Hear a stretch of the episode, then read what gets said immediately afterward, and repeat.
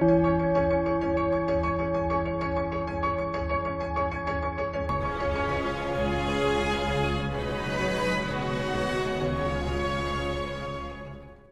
Bismillahirrahmanirrahim. Assalamualaikum warahmatullahi wabarakatuh. Selamat Waalaikumsalam warahmatullahi wabarakatuh. Selamat pagi, siang, sore, dan malam teman-teman semua. Uh, perkenalkan nama saya Denny Surya Putra. Saya di sini sebagai moderator akan me menja menjalankan diskusi mengenai uh, sejarah pergerakan nasional Indonesia. Nah, dalam fokus kajian kali ini kita akan berdiskusi mengenai organisasi-organisasi awal pada masa uh, pergerakan nasional Indonesia yakni Budi Utomo, Syarikat Dagang Islam atau sekarang dikenal sebagai Syarikat Islam dan Indische Partai. Nah, untuk teman-teman pemateri uh, pada kesempatan kali ini ada Aulia, ada Hanifa, ada Fajrin, ada Afari dan ada Noval Ahmad. Nah, pasti teman-teman sudah pada tahu ya, sejarah pergerakan nasional Indonesia itu adalah sebuah masa di mana rakyat Indonesia mulai ingin menentukan nasibnya untuk uh, bebas dari belenggu, belenggu penjajahan dan tentunya organisasi-organisasi tersebut berperan penting dalam sejarah pergerakan nasional Indonesia. Nah, organisasi yang pertama yang akan kita bahas ini adalah organisasi Budi Utomo. Nah, lalu bagaimana uh, perjalanan organisasi tersebut? Nah, silakan kepada saudara Noval Ahmad untuk uh, menjelaskan kepada kita semua bagaimana sejarah perkembangan Budi Utomo. Dipersilahkan. Oh iya baik, Saudara Denis. Terima kasih atas panduannya. Saya Nova Ahmad Fauzan. Di sini akan sedikit menjelaskan mengenai latar belakang dan tujuan didirikannya organisasi Budi Utomo ini. Yang pertama, jadi pada saat itu itu kondisi sosial ekonomi pada abad 19 makin memburuk. Dengan hal ini disebabkan oleh eksploitasi pemerintahan kolonial, politik liberal, dan politik etis. Di satu pihak, keuntungan yang diperoleh pemerintah kolonial dialihkan dialirkan ke negeri Belanda. Dalam pihak di lain pihak, kemerataan dan kesengsaraan semakin mendidik masyarakat Indonesia. Politik etis merupakan usaha-usaha memajukan pengajaran, tetapi pada abad 20 terdapat kekurangan dana belajar bagi anak-anak Indonesia. Keadaan ini menimbulkan keprihatinan Dr. Wahidin Sudido Husodo merupakan tutup, eh, tamatan sekolah Dr. Pribumi Stovia di Jakarta pada rentan waktu tahun 16, 1906 sampai 1907. Dia melakukan propaganda keliling Pulau Jawa. Pada tahun yang sama, Dr. Wahidin Sodiro Husodo mengunjungi alma maternya dan bertemu dengan para mahasiswa di Stopia. Ia melontarkan gagasan-gagasan agar para mahasiswa segera segera mendirikan organisasi yang bertujuan memajukan derajat bangsa Indonesia. Ide dan gagasan Dr. Wahidin Sudiro Husodo itu lantas diterima dan dikembangkan oleh Soekarno dan kawan-kawannya untuk mendirikan organisasi yang bernama Budi Utomo di Jakarta. Nah, organisasi Budi Utomo ini didirikan pada tanggal 20 Mei 1908 yang bertujuan untuk memajukan eh, pendidikan, teknik, industri, peternakan, pertanian dan perdagangan serta menghidupkan kembali kebudayaan dan lahirnya Budi Utomo. Telah eh, merangsang berdiri organisasi-organisasi pergerakan lainnya yang menyebabkan terjadinya perubahan sosio-politik Indonesia. Budi Utomo ini bersifat kooperatif dengan pemerintah kolonial karena Budi Utomo menempuh cara dan menyesuaikan dengan situasi dan kondisi pada waktu itu sehingga wajar jika Budi Utomo bersifat e, berorientasi kultural. Dengan perjalanannya, Budi Utomo dengan fleksibilitas, fleksibilitasnya tersebut mulai menggeser orientasinya dari kultur ke politik. Edukasi dan aliran barat ini dianggap penting dan dipakai sebagai jalan untuk menempuh sosial yang tinggi. Nah, seperti kalian ketahui ya, Kongres pertama Budi Utomo ini diselenggarakan pada tanggal 3 sampai 5 Oktober 1908 yang bertepatan di Yogyakarta. Nah, hasil keputusan Kongres tersebut diputuskan beberapa hal. Yang pertama, menyusun pengurus Budi, uh, besar Budi Utomo dengan diketuai oleh R.A. Tito Kusumo yang merupakan mantan Bupati Karanganyar. Yang kedua, mengesahkan AD atau RRT. Yang ketiga, ruang gerak terbatas pada daerah Jawa sampai Madura. Dan yang keempat, Yogyakarta adalah menjadi suatu pusat organisasi yang besar. Nah, setelah ditetapkan dan memutuskan beberapa poin-poin dalam kongres tersebut, eh, dalam waktu yang sangat singkat, organisasi Budi Utomo ini terjadi perubahan orientasi. Semula kualitasnya terbatas pada kalangan priai, tetapi setelah muncul edaran yang dimuat dalam Batavia Blade tanggal 7 Agustus 1909 menekankan bahwa bagaimana cara memperbaiki kehidupan rakyat secara komprehensif. Setelah tadi kalian mendengar mengenai sejarah dan perjalanan Budi Utomo, pasti kalian tahu gitu bahwa Budi Utomo ini ada organisasi besar ya yang pernah ada di Indonesia dan saat ini masih terngiang gitu di benak kita gitu. Nah, pembahasan selanjutnya eh, apa sih eh, tujuannya dan bagaimana sih eh, tujuan organisasi ini didirikan tuh. Nah, jadi saya akan menyebutkan gitu dan menjelaskan terus menyebutkan poin-poin apa saja gitu tujuannya. Jadi, tujuan didirikannya organisasi Budi Utomo ini yakni untuk meningkatkan suatu martabat rakyat dan juga bangsa. Peningkatan ini akan dilaksanakan dengan membentuk suatu dana pelajar yang merupakan lembaga untuk dapat membiayai pemuda-pemuda yang cerdas, tetapi tidak mampu dalam soal dan finansial. Melanjutkan studio pada tahun 1907, Dr. Wahidin Sodo bertemu dengan Sutomo, seorang pelajar dari Stovia yang berada di Jakarta. Berdasarkan pertemuan tersebut, Sutomo akan menceritakan kepada teman-temannya di Stovia maksud dan tujuan Dr. Wahidin uh, Wahidin Sudirohusodo. Lalu semasa itu, ide persatuan seluruh Indonesia belumlah dikenal. Karena itu yang akan dikehendaki Bu Tomo hanyalah perbaikan sosial yang meliputi daerah Jawa dan Madura. Juga kata kemerdekaan sama sekali belum disebut. Untuk dapat melaksanakan tujuan yang akan ditempuh, eh, saya akan menjelaskan dalam beberapa poin-poinnya. Yang pertama, memajukan pengajaran sesuai dengan apa saja yang dicita-citakan dari Dr. Wahidin ini merupakan suatu usaha pertama untuk mencapai kemajuan bangsa. Yang kedua, memajukan pertanian, peternakan, perdagangan. Jadi sudah sangat dimengerti bahwa kemajuan harus juga meliputi suatu bidang perekonomian. Poin yang ketiga, memajukan teknik dan juga industri yang berarti bahwa ke arah itu sudah menjadi cita-cita. Yang keempat, menghidupkan kembali kebudayaan sekitar mungkin pematerian singkat dan tujuan uh, mengenai Budi Utomo ini cukup sekian. Terima kasih. Baik, terima kasih ya untuk saudara Nova uh, atas pematerian yang sangat bagus ya mengenai Budi Utomo. Nah, saya jadi bertanya-tanya ya, uh, kenapa sih Budi Utomo itu sangat terlihatnya itu sangat Jawa sentris, Jawa dan Madura sentris banget gitu uh, atau bisa dikatakan organisasinya itu mas, uh, beranggotakan masyarakat Jawa, apalagi uh, pada awalnya itu golongan priai dan kenapa orientasinya juga sangat menjadi koopera, kooperatif itu dengan pemerintah Belanda. Uh, mungkin saya akan menjawab itu pertanyaan ini dari moderator. Jadi karena uh, mayoritas orang-orang orang -orang yang ikut dalam uh, berpartisipasi dalam beri utama ini kan berasal dari kalangan priai dan pribumi uh, dari Jawa dan Madura gitu.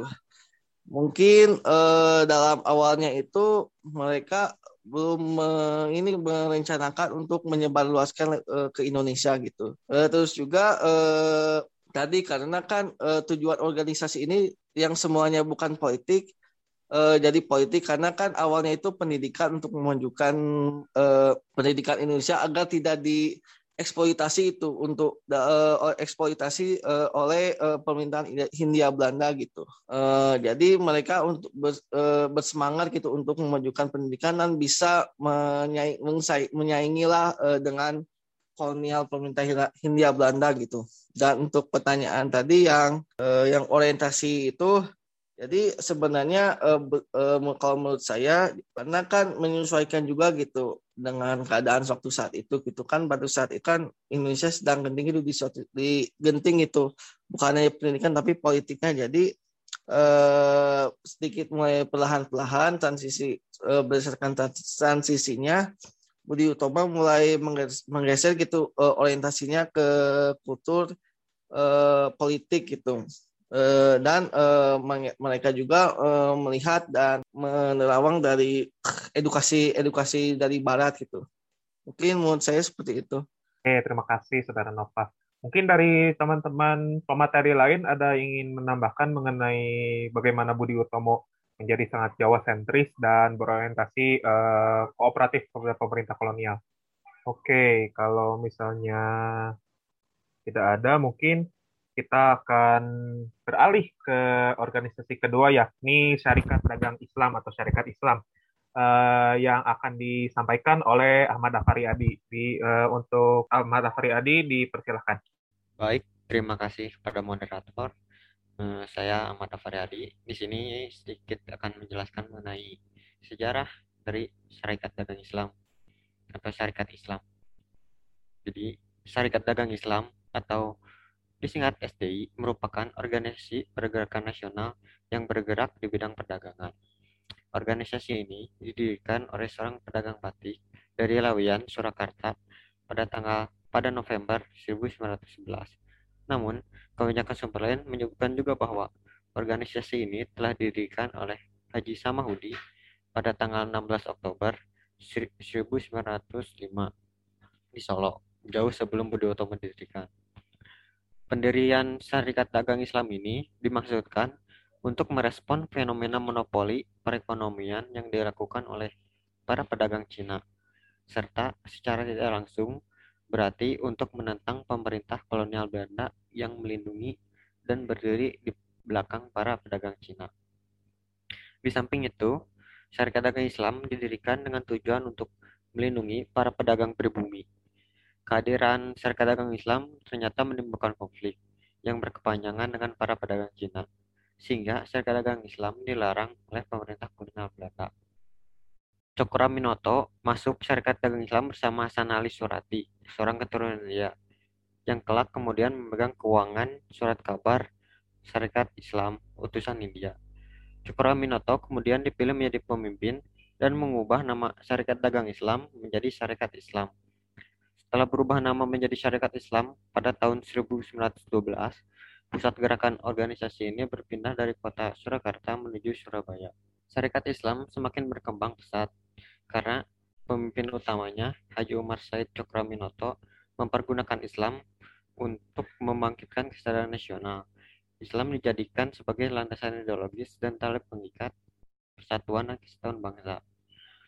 Sekitar tahun 1912 sampai 1916, pertumbuhan syarikat Islam sangat pesat karena syarikat Islam merupakan organisasi yang terbuka dalam menerima anggota mereka tidak membatasi anggota tertentu, seperti hal yang terjadi di Budi Utomo.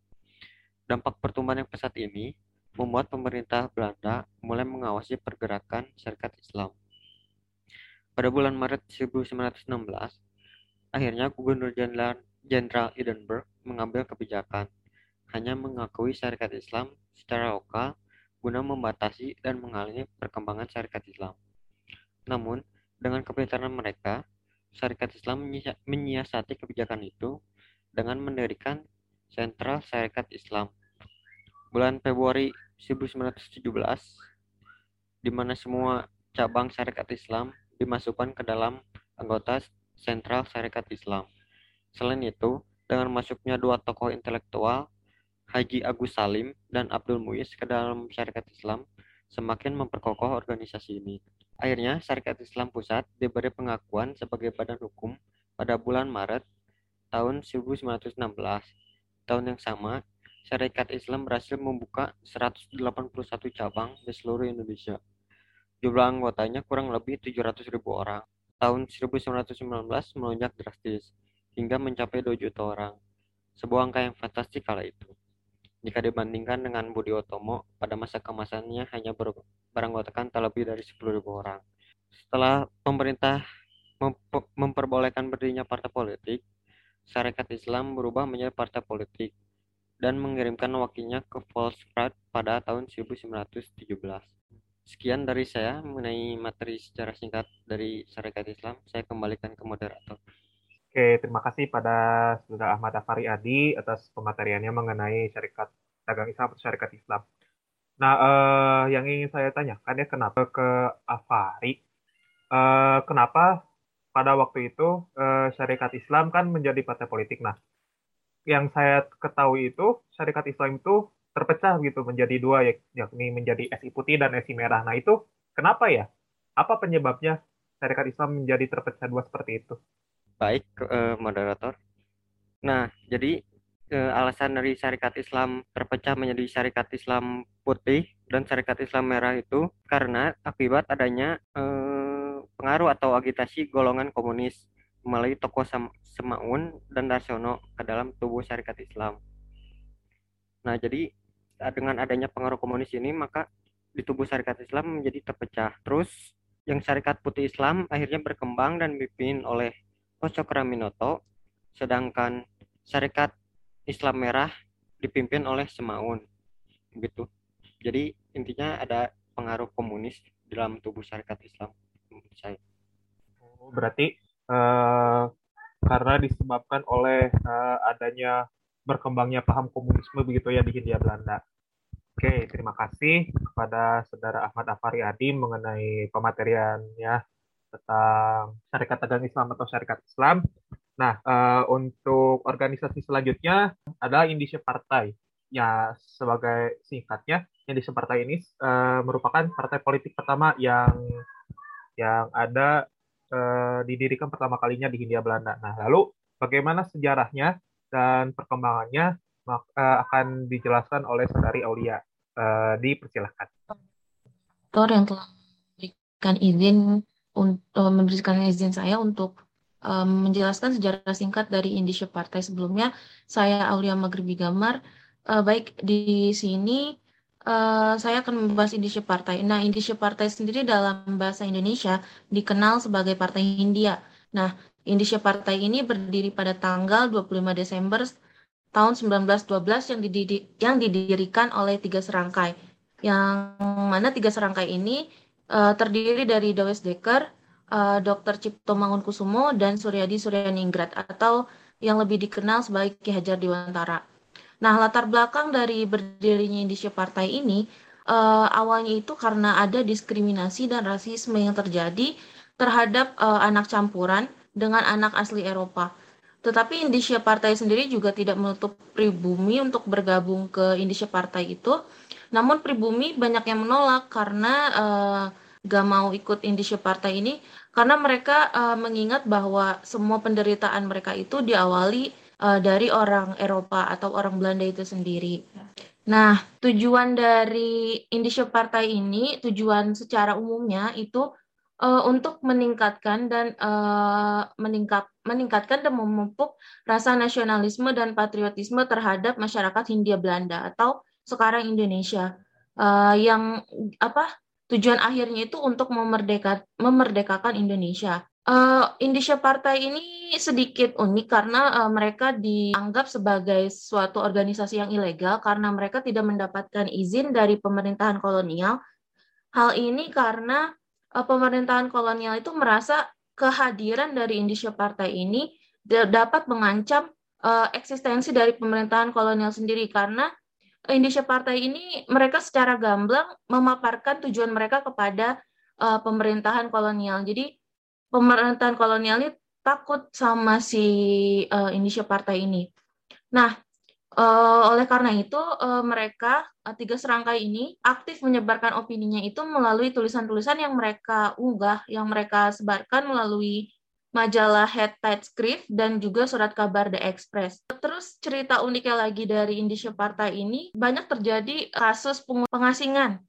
Banyak terjadi uh, kasus pengasingan yang diawali dari waktu itu uh, Belanda berencana untuk mengadakan pesta, yang pesta ini tuh merayakan hari kemerdekaan Belanda yang ke-1 abad atas penjajahan uh, Napoleon Bonaparte di Belanda. Nah, uh, yang diadakan di Hindia Belanda. Dan mendengar hal tersebut, seorang Ki Hajar Dewantara itu merasa itu sebuah apa ya pesta tersebut bukan pesta perayaan tapi pesta penderitaan untuk uh, masyarakat Hindia Belanda. Nah, makanya uh, Ki Hajar Dewantara membuat uh, sebuah tulisan yang menyinggung pesta tersebut dengan judul Als ik en Nederlander was atau yang berarti jika saya seorang Belanda. Nah, tulisan tersebut diunggah uh, pada surat kabar uh, The Express yang mem yang akhirnya tulisan tersebut menyeret uh, Ki Hajar Dewantara ke jeruji besi atau ke penjara. Nah, mendengar hal tersebut, sahabatnya Dr. Cipto Mangunkusumo itu juga akhirnya membuat tulisan yang menyinggung pemerintahan kolonial juga yang yang menangkap uh, sahabatnya tadi. Nah, uh, tulisannya itu berjudul Crack of Rest yang ditulis pada yang diunggah pada 26 Juli 1913 di surat kabar The Express juga yang mengungkit rasa ketakutan dan kekhawatiran Belanda akan kehadiran uh, dari Indonesia Partai ini. Uh, yang mana beliau juga akhirnya mengikuti uh, jejaknya Ki Hajar Dewantara gitu. Uh, beliau juga uh, masuk penjara. Dan hal tersebut juga diikuti lagi oleh temannya yang satu lagi namanya uh, Dawes Dekker uh, mendengar hal tersebut dia juga mencoba meluapkan perasaannya meluapkan perasaan kekesalan kepada pemerintahan Hindia pemerintahan kolonial Hindia Belanda uh, yang mana uh, beliau menulis sebuah tulisan di majal uh, di surat kabar The Express juga tepatnya tanggal 5 Agustus 1913 dengan judul On the Helden Cipto Mangunkusumo and Suwardi Suryaningrat yang artinya pahlawan kita Cipto Mangunkusumo dan Suwardi Suryaningrat. Uh, uniknya uh, si Does Dekker ini tidak dipenjarakan gitu karena pemerintahan kolonial berpikir kalau semua mereka dipenjarakan dalam satu tempat walaupun dalam penjara mereka tuh tetap bisa ngasih pengaruh ke masyarakat Hindia Belanda yang lainnya gitu. Pengaruh mereka tuh memang besar. Jadi untuk uh, mengantisipasi hal tersebut uh, pemerintah kolonial Hindia Belanda akhirnya memutuskan untuk uh, di uh, tiga serangga ini diasingkan di tiga wilayah yang berbeda. Yang pertama itu ada Dr. Cipto Mangunkusumo yang akhirnya diasingkan ke Pulau Banda Eh, lalu ada Dewes Dekker yang uh, diasingkan ke Kupang. Nah, uh, Dr. Cipto Mangunkusumo sendiri uh, pada tahun 1914 itu dikembalikan ke Jawa karena beliau itu mengalami sakit parah uh, di Pulau Banda. Uh, dipindahkan ke Jawa karena fasilitas untuk perawatan beliau itu tidak cukup, makanya beliau dipindahkan di uh, ke Jawa. Nah, setelah uh, kembalinya dari pengasingan pada tahun 1919, uh, Dewes Dekker dan Ki Hajar Dewantara mengabdikan diri di dunia pendidikan karena mereka menyadari bahwa kemerdekaan dapat didapatkan dan dinikmati bila warganya memiliki kemampuan uh, dalam pendidikan, yang mana akhirnya mereka mencoba membuka kembali pola pikir masyarakat yang masih tertutup. Nah, Ki Hajar Dewantara itu akhirnya mendirikan taman siswa yang sekarang itu terkenal dengan Tutwuri Handayaninya. Uh, sementara Dois Dekker uh, mendirikan Satrian Institute yang uh, letaknya itu di uh, Sukabumi, Jawa Barat. Uh, setelah berkali-kali uh, apa namanya mereka mengalami pengungsian ini, akhirnya pengungsian sorry pengasingan ini uh, akhirnya mereka uh, diringkus lagi ke uh, diringkus lagi oleh uh, polisi Belanda ini, terutama Dos Dekker, uh, beliau diasingkan lagi ke tempat yang lebih jauh lagi yaitu di Suriname uh, yang menjadi tempat pembuangan warga Hindia Belanda. Nah, pembubaran Indonesia Partai sendiri tidak secara resmi karena mengingat pendiriannya juga uh, tidak diresmikan oleh pemerintah kolonial Belanda.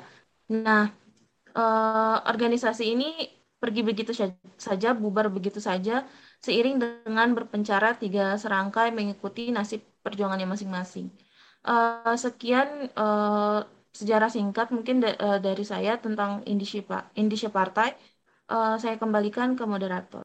Oke, uh, terima kasih Saudari Aulia atas pemateriannya ya mengenai Indonesia Partai yang merupakan uh, partai politik pertama yang didirikan di India Belanda. Nah, uh, ingin saya juga ingin bertanya ya pada saudara Awul. Nah, apakah di pengasingan selama di pengasingan ketiga serangkai ini uh, mendirikan aktivitas politik lain, aktivitas politik nggak? Jadi misalnya uh, selama di pengasingan uh, mendirikan ya uh, menanamkan ideologi-ideologi partainya gitu. Um, baik, terima kasih uh, moderator. Untuk jawaban pertanyaannya tadi, uh, sejauh ini menurut saya dan beberapa mungkin saya belum uh, banyak baca terkait hal tersebut. Menurut saya uh, tiga serangkai tersebut selama pengasingan uh, susah sulit untuk menyebarkan ideologi dari uh, partai uh, Indonesia Partai itu sendiri. Nah, tetapi setelah bubarnya Indonesia Partai ini, Ki Hajar Dewantara uh, melanjutkan Indonesia Partai ini dengan nama uh, kalau tidak salah itu Island Islande. Mungkin teman-teman uh, yang lain ada yang ingin menambahkan. Oke, kepada teman-teman lain, apakah ada yang ingin menambahkan pendapat dari Aulia? Oke, uh, kalau misalnya tidak ada, mungkin kita akan berlanjut ke pematerian selanjutnya mengenai uh, bagaimana sejarah penetapan uh, tanggal 20 Mei ini dijadikan sebagai Hari Kebangkitan Nasional yang ditetapkan pada sejak tanggal 20 Mei 2008 atau atau tepatnya 100 tahun uh, berdirinya Budi Utomo. Nah, uh, untuk materi, materi ini akan disampaikan oleh Saudari Hanifa dan Saudara Fajrin. Uh, waktu dan tempat dipersilahkan. Baik, pertama-tama dari saya dulu ya, pemateri saya Hanifa. Uh, untuk kebangkitan uh, Hari Kebangkitan Nasional. Pertama-tama kita harus tahu dulu sejarah dari Kebangkitan Nasional Indonesia sendiri. Nah, Kebangkitan Nasional Indonesia ini adalah masa di mana periode paruh pertama abad ke-20, di mana Indonesia pada saat itu belum mencapai kemerdekaan. Dan kebangkitan nasional Indonesia ini juga dianggap ketika rakyat Indonesia mulai menumbuhkan rasa kesadaran nasional sebagai rakyat yang satu dalam satu kesatuan dan tidak hanya mementingkan daerahnya masing-masing. Jadi karena dulu tuh Indonesia kan e, masyarakatnya hanya mementingkan daerahnya masing-masing dan memperjuangkan daerahnya masing-masing. Kebangkitan nasional ini tuh ada ketika rakyat Indonesia itu mulai uh, punya kepikiran untuk bersatu sebagai satu kesatuan melawan uh, kolonialisme uh, Belanda. Dan kebangkitan nasional ini juga tuh awalnya dipelopori oleh uh, Bung Karno ya atau Soekarno waktu itu. Dia itu karena saat itu Indonesia itu mulai mengalami banyak pergolakan di mana banyak uh, banyak sekali dari daerah-daerah untuk melepaskan diri dari Indonesia seperti melepasnya Timur Timur atau daerah-daerah lain yang mengalami pergolakan seperti DITII ataupun yang lain. Nah saat itu karena uh, bangsa Indonesia itu mulai turun sikap kesatuannya, uh, waktu itu Soekarno akhirnya mengemukakan bahwa Hari Kebangkitan Nasional itu ada untuk Indonesia dan uh, saat itu tuh rasa untuk kesatuan tuh ada semenjak saat itu untuk menambah semangat Indonesia uh, pada saat itu agar masyarakatnya tidak hanya fokus terhadap eh, hal-hal uh, yang melepaskan diri dari Indonesia. Sehingga kebangkitan nasional ini juga dilatar belakangi oleh diberlakukannya kebijakan politik etis dari Belanda yang membantu menciptakan sekelompok orang Indonesia yang terpelajar dan akhirnya mengalami perubahan yang mendalam pada orang-orang Indonesia pada saat itu. Jadi saat itu tuh orang Indonesia yang terpelajar karena waktu itu politik etis juga memperlakukan pendidikan ya bagi eh, masyarakat Indonesia, akhirnya orang-orang itu tersadar, eh, orang-orang yang terpelajar ini tersadar untuk akhirnya mereka ingin merdeka dan tidak hanya terjajah. Hal ini yang diperkirakan menjadi awal terbentuknya rasa kesatuan yang menjadikan Hari Kebangkitan Nasional dirasa spesial oleh bangsa Indonesia. Nuansa ini juga tuh ditandai oleh dua peristiwa penting, ini berdirinya Budi Utomo pada 20 Mei 1908 dan juga Ikrar Sumpah Pemuda pada 28 Oktober 1928. Pada masa ini juga muncul sejumlah organisasi kepemimpinan yang baru, di antaranya ada tadi ya, dia sudah dijelaskan oleh pemateri-pemateri yang lainnya, ada Serikat Islam, ada Industri Partai, ada juga Partai Nasional, dan lain-lain. Namun di antara organisasi-organisasi tersebut ini, Berdirinya Budi Utomo lah yang dianggap memicu organisasi pergerakan lain ini muncul di Indonesia. Nah, ini tuh kenapa? Karena saat ini eh, organisasi Budi Utomo ini perannya cukup penting pada masa tersebut. Hal ini karena pelopor sebagai pelopor dari organisasi-organisasi yang muncul. Jadi saat Budi Utomo ini akhirnya eh, eksis ya di dunia perorganisasian Indonesia, organisasi itu akhirnya muncul dan eh, akhirnya Budi Utomo ini dianggap sebagai pelopor dari kebangkitan nasional dan uh, pemikiran untuk bersatu sebagai suatu kesatuan sehingga lahirnya Budi Utomo menjadi sejarah yang juga penting bagi Indonesia.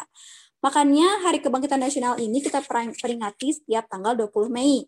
20 Mei ini merupakan uh, ini ya lahirnya Budi Utomo tadi yang menjadi hari yang sangat bersejarah dari kehidupan bangsa kita. Nah, tanggal ini juga merupakan titik awal perjuangan atau kesadaran melepaskan diri dari kaum penjajah sehingga akhirnya oleh pemerintah ditetapkan sebagai suatu hari nasional di keputusan Presiden nomor 1 tahun 1905 dan juga keputusan Presiden nomor 18 tahun 2002. Begitu untuk sejarah kebangkitan nasional akan ditambahkan oleh Saudara Fajrin. Ya, uh, izin menambahkan ya moderator. Mungkin sudah disinggung banyak tadi mengenai cikal bakal atau penetapan lahirnya lahir penetapan lahir ini ya. Apa hari kebangkitan nasional gitu tanggal 20 Mei. Di mana uh, hari kebangkitan nasional itu sendiri um, seperti kita ketahui uh, ini dicetuskan langsung atau berasal dasar idenya dari Presiden Indonesia pada saat itu ya Presiden Soekarno yang mana ada uh, referensi yang mengatakan bahwa pada tahun 1948 Presiden Soekarno berpidato tentang kebangkitan nasional meskipun uh, informasi pidatonya tidak begitu lengkap ya mengenai intinya yang mana disimpulkan oleh pada oleh para pendengar serta media massa yang hadir pada peristiwa itu sebagai Hari Kebangkitan Nasional. Saya juga ingin menyinggung hal-hal yang sedikit menarik mungkin ya, di mana penetapan Hari Kebangkitan Nasional ini juga menimbulkan pro dan kontra. Mungkin kalau kita bicara alasannya, seperti yang tadi dikatakan moderator mengenai alasan lahirnya atau ditetapkannya Hari Kebangkitan Nasional, uh, mengacu pada pernyataannya Antonius Purwanto ya, bahwa peristiwa ini menjadi awal penilaian nasional terhadap kelahiran Budi Utomo dan perannya dalam rangkaian hidup tumbuhnya pergerakan kebangsaan Indonesia. Ya bisa dilihat bahwa banyak uh, alasan yang dasar-dasar alasan yang sebenarnya beranggapan bahwa Budi Utomo ini menjadi tonggak atau pemicu lahirnya organisasi-organisasi lain. Seperti Anwar Lutan juga menyampaikan bahwa Budi Utomo merupakan batu loncatan sudah yang mana sudah Budi Utomo berdiri, rakyat nampaknya mulai bangun dan sadar akan perlunya berorganisasi yang memperbaiki nasibnya. Nah, ini dapat dilihat dari banyaknya perkumpulan-perkumpulan yang didirikan, baik bercolak mulai dari sosial, politik, ekonomi, pendidikan, kebudayaan, dan masih banyak lagi. Nah, dengan demikian, mungkin Budi, Budi Utomo dianggap sebagai batu loncatan dari kebangun, atau apa ya mungkin kebangunan bangsa Indonesia pada saat itu. Uh, selanjutnya terdapat apa ya dua alasan yang cukup kuat juga kenapa Budi Utomo ini dianggap sebagai uh, suatu simbol hari kebangkitan nasional Indonesia. Menurut Sudio ya pada tahun 1989, yang pertama Budi Utomo memiliki struktur sebagai organisasi yang benar baru dan menandakan suatu perbedaan yang jelas dengan masa lampau. Terus Budi Utomo merupakan suatu benih yang melahirkan gerakan nasional Indonesia dengan memiliki rencana kerja, cabang-cabang di berbagai daerah dan memiliki anggotaan yang jelas gitu. Serta apa ya, laporan organisasinya juga baik dan juga sudah menyelenggarakan kongres pada saat itu. Lalu yang kedua, kelahiran Budi Utomo menjadi motivator dan inspirator seperti yang tadi sudah saya jelaskan sebelumnya. Mungkin itu saja sebagai awal dari pembahasan selanjutnya dari saya mengenai alasan dan ditentukan atau ditetapkannya Hari Kebangkitan Nasional pada tanggal 20 Mei.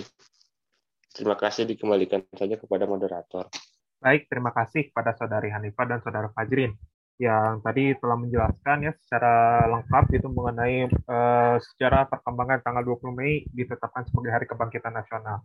Nah, uh, mungkin penetapan tanggal 20 Mei sebagai Hari Kebangkitan Nasional ini mungkin memunculkan pro dan kontra gitu dari di kalangan uh, di seluruh kalangan lah gitu karena mungkin uh, dari kita lihat itu Budi Utomo kan orientasinya dulu lebih ke pembangunan edukasi dan pendidikan di Jawa. Nah sementara Syarikat Islam kan uh, yang pada awalnya yang berdiri lebih awal 16 Oktober 1905 kenapa tidak dijadikan sebagai hari kebangkitan nasional? Nah, mungkin dari teman-teman ada yang ingin berpendapat gitu. Kenapa uh, tidak syarikat Islam saja yang dijadikan sebagai uh, sebagai hari kebangkitan nasional? Silahkan pada teman-teman yang ingin memberikan pendapatnya. Uh, baik, saya akan ber berpendapat ya atas tadi pertanyaan mengenai syarikat Islam. Mengapa tidak syarikat Islam terlebih dahulu? Kenapa bukan syarikat Islam yang dijadikan Harkitnas? Karena ha harusnya kan syarikat Islam yang lebih tua ya, yang lebih awal mereka tuh pencetusnya. Uh, menurut saya daripada alasan syarikat Islam ini lebih tua dibanding Budi Utomo, itu menurut saya itu kurang meyakinkan ya. Namun ada alasan yang menurut saya lebih pantas yaitu anggota Syarikat Islam ini jauh lebih banyak daripada Budi Utomo.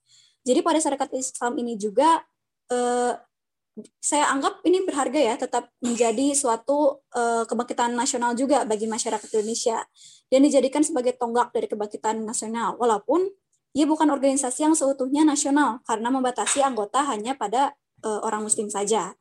Namun dari yang saya baca, eh, menurut sejarawan LIPI yaitu Asfi Warman Adam, ia mengungkapkan bahwa baiknya dalam Harkitnas ini bukan hanya mengenang uh, Budi Utomo saja, tapi juga memperingati Syarikat Islam. Jadi menurut dia ini bahwa Budi Utomo dan Syarikat Islam ini dua-duanya dibicarakan dan dibahas pada Harkitnas. Sehingga Harkitnas ini bukan hanya mengacu kepada Budi Utomo, namun juga mengacu juga terhadap Syarikat Islam. Namun tanggal yang ditetapkan tetap tanggal 20 Mei. Sekian, mungkin ada yang ingin ditambahkan? Terima kasih pada saudari Hanifah. Ya, betul juga ya. Meskipun uh, ditetapkannya tanggal 20 Mei sebagai hari uh, sebagai hari kebangkitan nasional yang ditandai dengan berdirinya Budi Utomo, tapi seharusnya uh, mengakomodir juga gitu organisasi-organisasi lain yang lebih dahulu uh, didirikan seperti Syarikat Islam. Nah, mungkin dari teman-teman lain, apakah ada yang berpendapat mengenai uh, pro dan kontra gitu uh, penetapan tanggal 20 Mei sebagai Hari Kebangkitan Nasional. Ya pengen menambahkan ya sedikit aja. Oke silahkan. Seperti tadi sudah disinggung juga ya. Sebenarnya syarikat Islam kan lingkupnya lebih kepada golongan saudagar atau apa ya pedagang, terlebih khususnya Islam gitu. Sedangkan kalau misalnya ada yang membandingkan atau menyebutkan bahwa Budi Utomo uh, terlahir dari golongan priai dan uh, dalam tanda kutip juga keagamaan, menurut saya itu uh, lebih kepada bumbu ya yang dibawa, tidak sebagai uh, apa ya uh, dasar atau tujuan didirikannya organisasi tersebut gitu. Mungkin itu saja sih. Oke, terima kasih pada saudara Fajri. Mungkin ada lagi yang ingin berpendapat mengenai hal ini?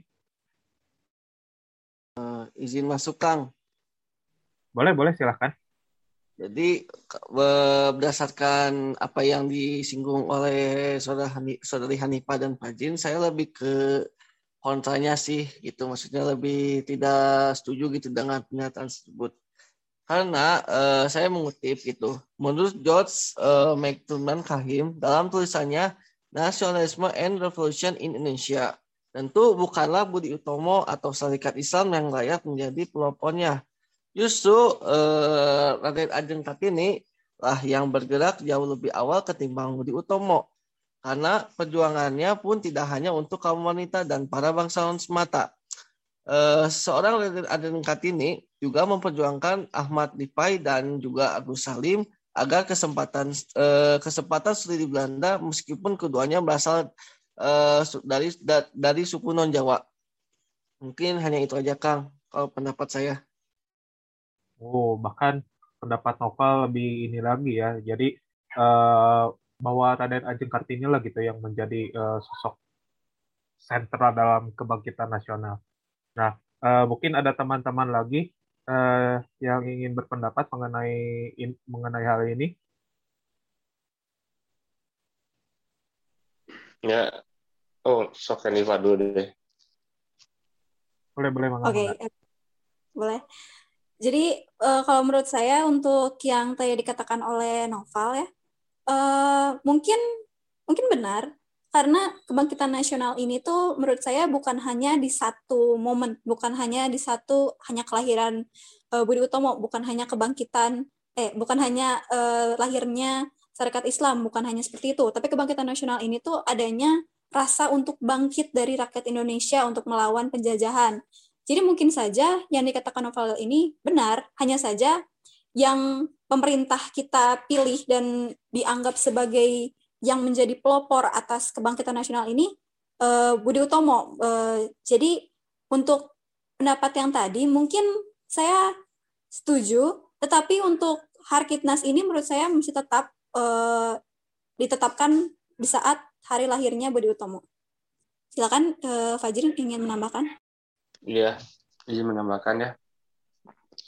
Kalau tadi saudara Nova menyinggung bahwa perjuangan era Kartini terlebih dahulu, mungkin menurut saya itu bentuknya lebih apa ya menunjukkan bahwa Kartini kan sebagai uh, simbol perseorangan gitu ya, tidak sebagai bentuk organisasi atau hmm, yang mana kan uh, uh, Hari Kebangkitan Nasional ini lebih kepada menyatukan atau apa ya menumbuhkan rasa semangat nah gitu kan semangat persaudaraan gitu. Yang mana pada saat itu kan sedang terjadi revolusi fisik ya. Banyak sekali perpecahan lah seperti yang kita ketahui. Jadi menurut saya kalau uh, ditarik jauh ke belakang ke RA Kartini mungkin sedikit kurang cocok begitu mungkin kasarnya Mungkin itu aja. Oke, terima kasih pada Saudara Hanifah dan Fajrin yang tadi ikut menambahkan ya. Uh, mungkin karena kita uh, dibatas oleh waktu ya, jadi uh, mungkin diskusi ini uh, dicukupkan sampai di sini ya. Namun uh, di sini saya akan menyampaikan kesimpulan gitu dari diskusi ini. Nah, ketiga organisasi ini, yakni Budi Utomo, uh, Syarikat Dagang Islam Syarikat Islam dan Indonesia Partai ini, uh, memang uh, berdampak besar gitu terhadap uh, perjuangan pergerakan nasional Indonesia. Baik ketiga organisasi ini sama-sama bertujuan untuk membebaskan rakyat uh, Hindia Belanda atau sekarang Indonesia ini keluar dari belenggu penjajahan. Nah, berawal dari perjuangan yang sebelum adanya ketiga organisasi ini yang bersifat kedaerahan, ketiga organisasi ini menghadirkan uh, warna baru gitu dalam persatuan uh, di antara suku-suku yang ada di negara Indonesia ini dan uh, ketiga organisasi ini sebagai pintu gerbang awal uh, bagaimana masyarakat Indonesia ingin uh, menjadi sebuah bangsa yang merdeka. Nah mungkin uh, cukup sekian diskusi pada hari ini. Terima kasih pada teman-teman semua, eh, rekan-rekan pemateri yang telah menyampaikan materi yang sangat luar biasa dan teman-teman juga yang telah mendengarkan. Eh, terima kasih. Wassalamualaikum warahmatullahi wabarakatuh.